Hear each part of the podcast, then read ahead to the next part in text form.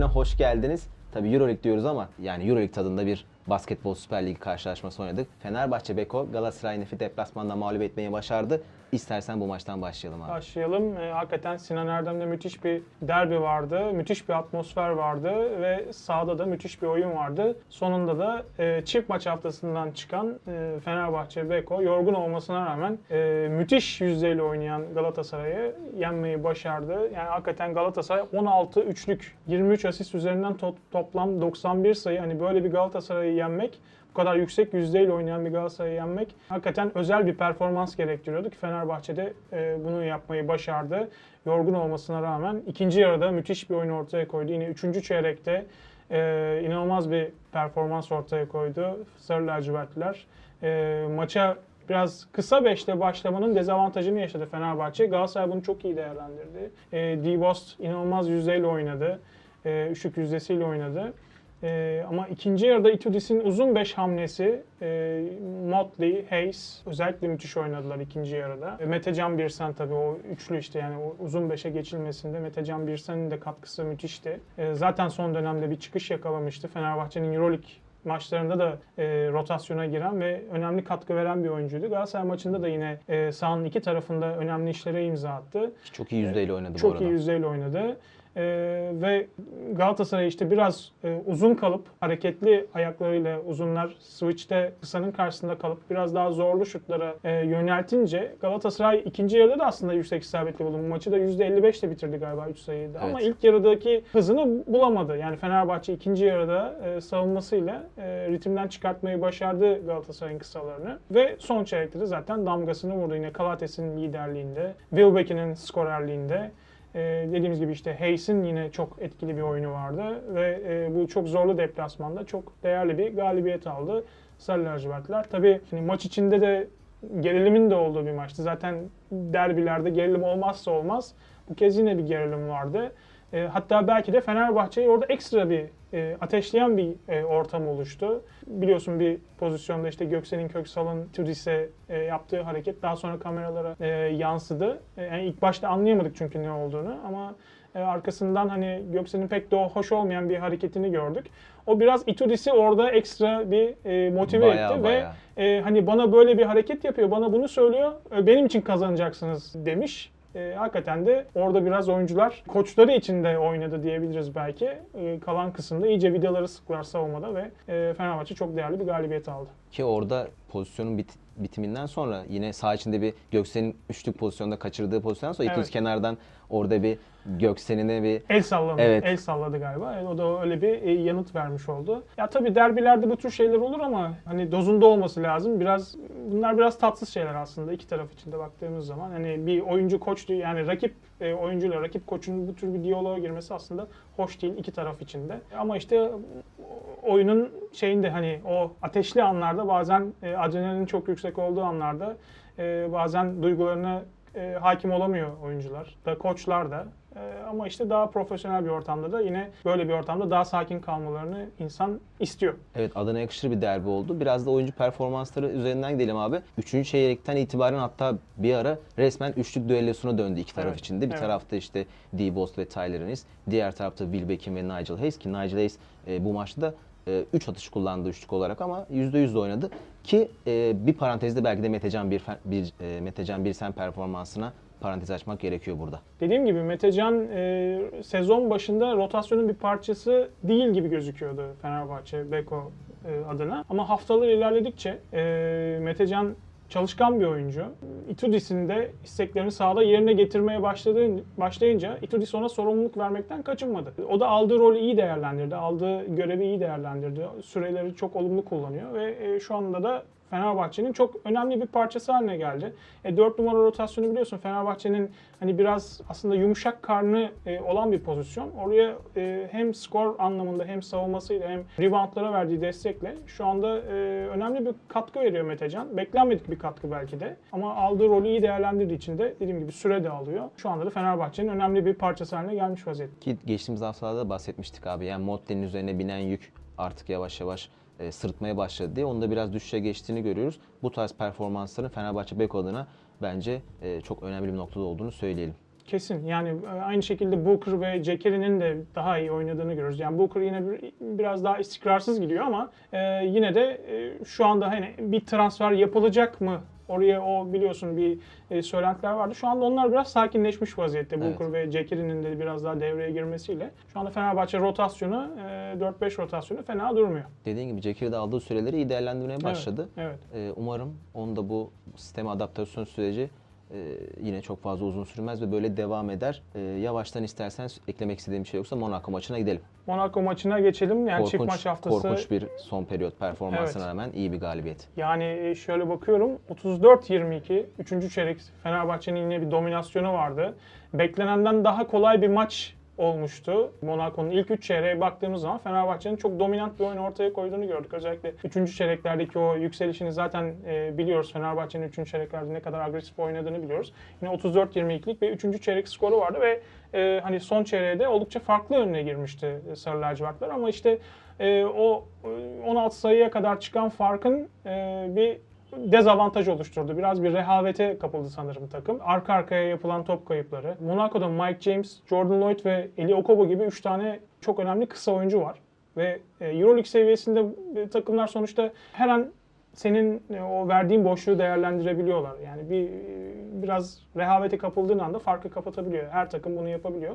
E, Monaco gibi 3 tane önemli skorere sahip olan bir takım da kendi evinde her ne kadar farklı geriye düşse de e, 33-15'lik bir seri yakaladı işte Fenerbahçe karşısında ve farkı bir sayıya kadar indirdi. Yani m, karar mekanizmasında özellikle son çeyrekte gerçekten çok aksadık. E, Marco Guduric de bu aksayanlardan biriydi. Ama neyse ki son topta hani taktik faalleri iyi değerlendirdik ama yine bir Monaco'ya bir fırsat geldi ama Mike James çembere takıldı. Oradan Fenerbahçe hani ucuz atlattı diyebiliriz. Yani çok güzel başlayan bir gece. E, hani rüya gibi giden bir maç. Az kalsın kabusa dönüyordu ama e, oradan Fenerbahçe galip ayrılmayı başardı. Yine tabii e, Nigel Hayes'in çok özel bir performansı vardı. Aynı şekilde yine Nick Calates e, liderliğini ortaya koydu 15 sayı 9 asistle. E, Fenerbahçe için çok kritik bir galibiyetti. Biliyorsun arkasına Olimpia Milano'ya gittiler. Geçen hafta da hani eğer Anadolu Efes Olimpia Milano karşısında bir galibiyet alırsa arkasından Fenerbahçe de belki bir darbe vurabilir demiştik. Çünkü Olimpia Milano için gerçekten Anadolu Efes maçı çok kritik bir maçtı. Kırılma maçı diyebiliriz onlar için. Belki de sezonun ilk kırılma maçını oynadılar. O maçı kaybettikten sonra tabii çok motive bir Olimpia Milano vardı. Yani çok kolay bir maç olmayacağını da söylemiştik zaten. Çünkü e, artık sırtı duvara dayanmış belki de son kurşunlarını oynayan bir Olimpia Milano var. Hakikaten kaynayan bir kazana dönmüş vaziyette. Ettore Messina'nın işte takımdan ayrıl, ayrılmayacağının sorgulandığı bir dönemde birçok sakatının olduğu bir Olimpia Milano'ya karşı e, Monaco maçının moraliyle gitti Fenerbahçe ama maça da çok kötü başladı. İlk yarıya baktığın zaman ilk yarı sonunda 9 asiste karşı 10 top kaybı vardı Fenerbahçe'nin. Jonathan Motley yine çok erken faul problemine girdi ki bu artık bir kronikleşen bir sorun Evet, haline geldi. Dolayısıyla Fenerbahçe çok sıkıntılı bir ilk yarı oynadı ama Fenerbahçe için hani ilk 9 haftada genel tabloya baktığımız zaman söyleyebileceğim şey bu takımın asla mücadeleden vazgeçmediği, asla teslim bayrağını çekmediği ve bir şekilde ayağa kalkmayı başardı. Nitekim öyle oldu yine. Üçüncü çeyrekle birlikte Fenerbahçe hakikaten bambaşka bir oyun ortaya koymaya başladı. Ee, savunmada vidaları sıktı. Yine Nigel Hayes yine ön plana çıktığı bir oyun vardı. Ve işte o yine üçüncü çeyrekteki müthiş oyunla e, Olimpia Milano'yu e, kilitlemeyi başardılar ve e, son çeyrekte de darbeyi vurarak galibiyete uzandılar. Hakikaten 2'de 2 çok değerli. Şimdi Fenerbahçe sezonun ilk başında daha fazla içeride oynadı. Deplasmanda fazla bir maç oynamadı. Yani bir Bayern maçı vardı. Ee, işte Barcelona deplasmanı vardı. Bir de Anadolu Efes yani İstanbul'da oynanan bir deplasman maçından bahsediyoruz. Ee, hani bazı takımların hüviyetini deplasmanda daha iyi görürsün. Aynı zamanda o takımların kendilerine de bir bakma şansı olur. Yani deplasmanda işte herkesin sana karşı olduğu bir ortamda o takımın vereceği reaksiyon çok değerlidir. O takımla ilgili bize bir bilgi verir gerçekten. Ee, Fenerbahçe iki maçta da evet Monaco maçını kazandı. Ee, bir kötü bir son çeyrek oynadı ama genel tabloya baktığımız zaman Monaco maçı ve Olimpia Milano maçının ikinci yarısında ortaya koyan, konan oyun hakikaten bu takımın gerçekten çok iyi bir takım olduğunu ve hani sezonun başındaki tüm soru işaretlerini de giderdiğini söyleyebiliriz Fenerbahçe'nin bu e, deplasman turunda aldığı iki galibiyet. Keza biz Barcelona deplasmanından sonra da çok iyi hatırlıyorum abi. Bunu konuşmuştuk ve sen aynı cümleleri sarf etmiştin. Orada yani birazcık işte her e, şerde bir hayır vardır Evet. gibi. Orada çok e, iyi bir dönüş yapmış takım ikinci periyot ikinci yarıdan itibaren ama yetmemişti. E, bu iki deplasmanda önemli bir unsur oldu Fenerbahçe Beko için. Eklemek istediğim bir şey yoksa buradan aslında biraz hani bağlayıcı olması açısından Real Madrid maçına geçmek istiyorum. Çok daha belki de bu maçlardan önemli ve kafa bir maç gibi duruyor Real Madrid maçı. Yani tabii Real Madrid maçına geçeriz. İstersen biraz Nigel Hayes'e Ah, bir evet. parantez açalım. Gerçekten nazar değmesin diyelim. Sadece bu maç üzerinde değil, Galatasaray, Nef ve Evet, e, Monaco evet. maçlarında da Yani bütün sezon boyunca. Yani sezonun ilk başında bir Jonathan Motley'nin ön plana çıktığı bir dönem vardı. Ee, Jonathan Motley'de son haftalarda bir düşüş var ama Nigel Hayes özellikle Barcelona maçından beri müthiş oynuyor. Bu takıma geldiğinde sorgulanan isimlerden biriydi. Ya Nigel Hayes Davis Fenerbahçe'nin oyuncusu mu diyen çok isim vardı. Keza Fenerbahçe'nin bu sezonki bütün transferlerini aslında burun kıvranların sayısı hiç de azımsanmayacak kadar çoktu işte. Yani Nick Calates keza aynı Ki şekilde geldiği zaman. yani Evet bu başında isimlerin. geliyor. Çok fazla eleştirilmişti. Jonathan Motley de hani her ne kadar kaliteli bir oyuncu olduğu bilinse de deneyimsizliğinden dolayı acaba o 5 numara pozisyonda o baskıyı Euroleague'de oynamanın baskısını kaldırabilecek mi gibi soru işaretleri vardı. İşte yine Tonya Cekeri ile ilgili birçok eleştiri vardı. Ama e, Nigel Hayes de dediğim gibi bu eleştirilen isimlerden biriydi. Aslında eleştirilerin de noktası şuydu hani Barcelona'da hiçbir şey yapamadı. Fenerbahçe'de ne katabilir bu oyuncu gibi bir e, söylem vardı ama Barcelona'nın ne kadar kaotik bir ortam olduğunu, oraya giden oyuncuları nasıl adeta böyle şey değirmende öğütüyormuş gibi ama kötü anlamda. Yani Evet, gerçekten o, ya kara bir girdap içine çekiyor Aynen sanki. öyle. Aynen öyle. Yani bu sene oyuncu giden oyuncuları da görüyoruz. Evet. Veseli'yi görüyoruz işte. Kalinic'i Kalinic. görüyoruz. Sıkıntılı dönemlerden geçiyorlar. Yani oyuncuları tanımasak, karakterlerini ve kariyerlerini bilmesek hani bunun normal olduğunu söyleyebiliriz ama öyle değil. Yani orada ciddi bir sıkıntı var. Nick Calates de o düzende istediği verimi veremedi. Nigel Hayes de orada e, o düzenin bir parçası olamadı ki Yasikevicius'un Zalgiris'ten aldığı hani isteyerek oraya e, getirdiği, kendi getirdiği isimlerden biriydi ama orada bir türlü o derin rotasyonda bir parça kendi bir rol bulamadı Nigel Hayes. Biraz da onu o yüzden e, Barcelona'da beklentilerin çok altında kaldı. Fenerbahçe onun için de yeni bir sayfa oldu. E, Itudis de kafasındaki şablona demek ki e, Nigel Hayes çok iyi oturtmuş. Neler yapabileceğini çok iyi biliyor. Ve sınırlı bir bütçeyle aslında biliyorsun. E, sonuçta e, evet iyi bir bütçesi var Fenerbahçe'nin ama geçtiğimiz yıllara göre biraz daha e, mütevazi sayılabilecek bir bütçeye sahip. Ama Itudis hep nokta atışlarla buraya bu isimleri aldı. E, o eleştirileri bilerek aldı zaten.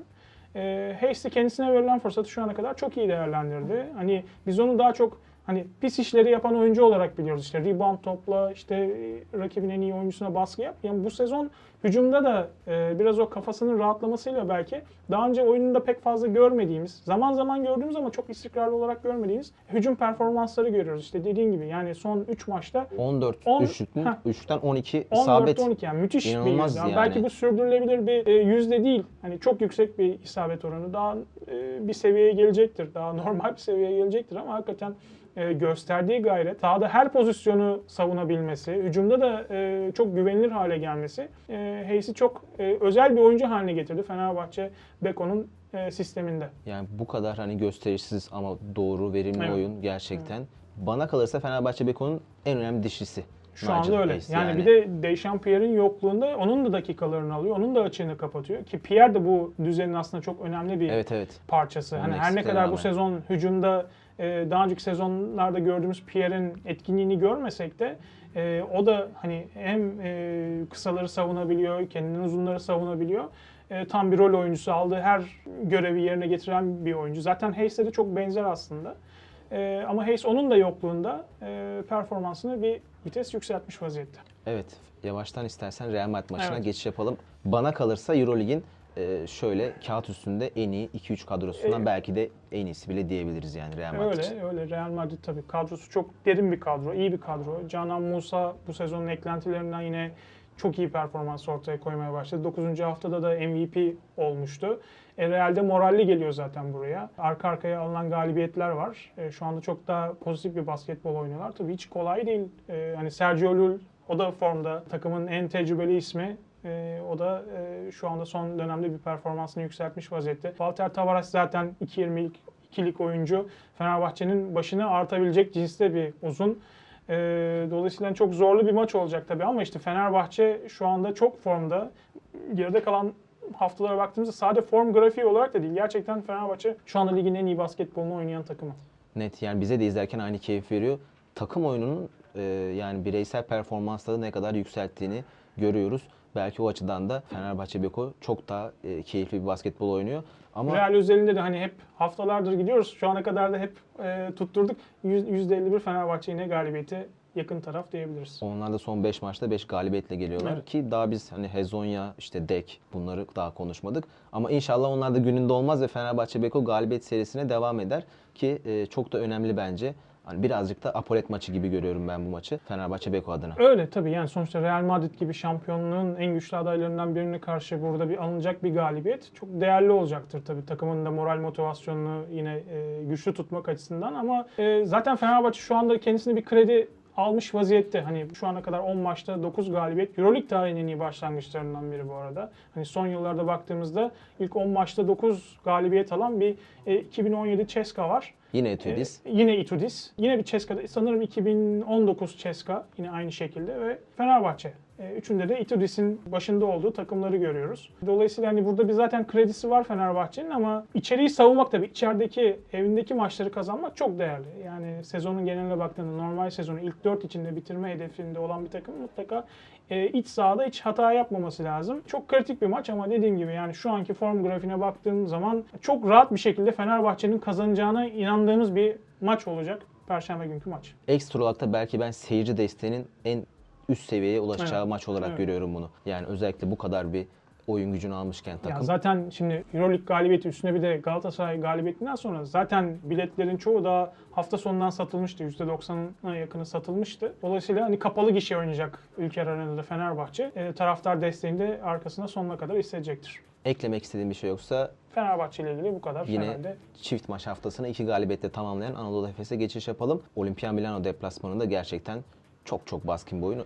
Belki ilk yarı kafa kafaya gitti ama 3 ve 4. periyotlarda oyunu net olarak koparan bir Anadolu Efes vardı. Ya çok değerli bir galibiyeti tabii. Ee, Barcelona maçı sonrası Anadolu Efes'in yavaş yavaş toparlanma sinyalleri verdiğini söylemiştik. Ee, ama yani bu iki deplasman maçı öncesi hani sonuçta yine bir soru işareti yok muydu kafamızda? Vardı açıkçası. Bu takım çünkü kırılabilir de o galibiyet üstüne koyup kendisini bir iki basamak yukarı da atabilirdi. Nitekim onu yapmayı başardı. Sonuçta her ne kadar bocalasa da şampiyon kimliğini taşıyan bir takım. Hani o çok klişe laf vardır ya Rodi Tomjanovic'in efsane lafı Houston koçu bir şampiyonun yüreğini asla küçümsemeyin. Resmen Anadolu Efes bize bunu gösterdi. Ee, yine geçen sezonun benzer bir şekilde ilk 7 maçta e, galibiyet alarak başladılar ama arkasından gelen 3 galibiyet e, hakikaten çok değerliydi. Olimpia Milano maçında da dediğin gibi üç- ikinci yarıda e, müthiş bir oyun ortaya koydu e, Anadolu Efes. O oradaki o e, müthiş oyun Bologna maçına da taşındı ve iki galibiyette de başrollü bir isim vardı. Will Clyburn. 45 sayı kaydetti iki maçta.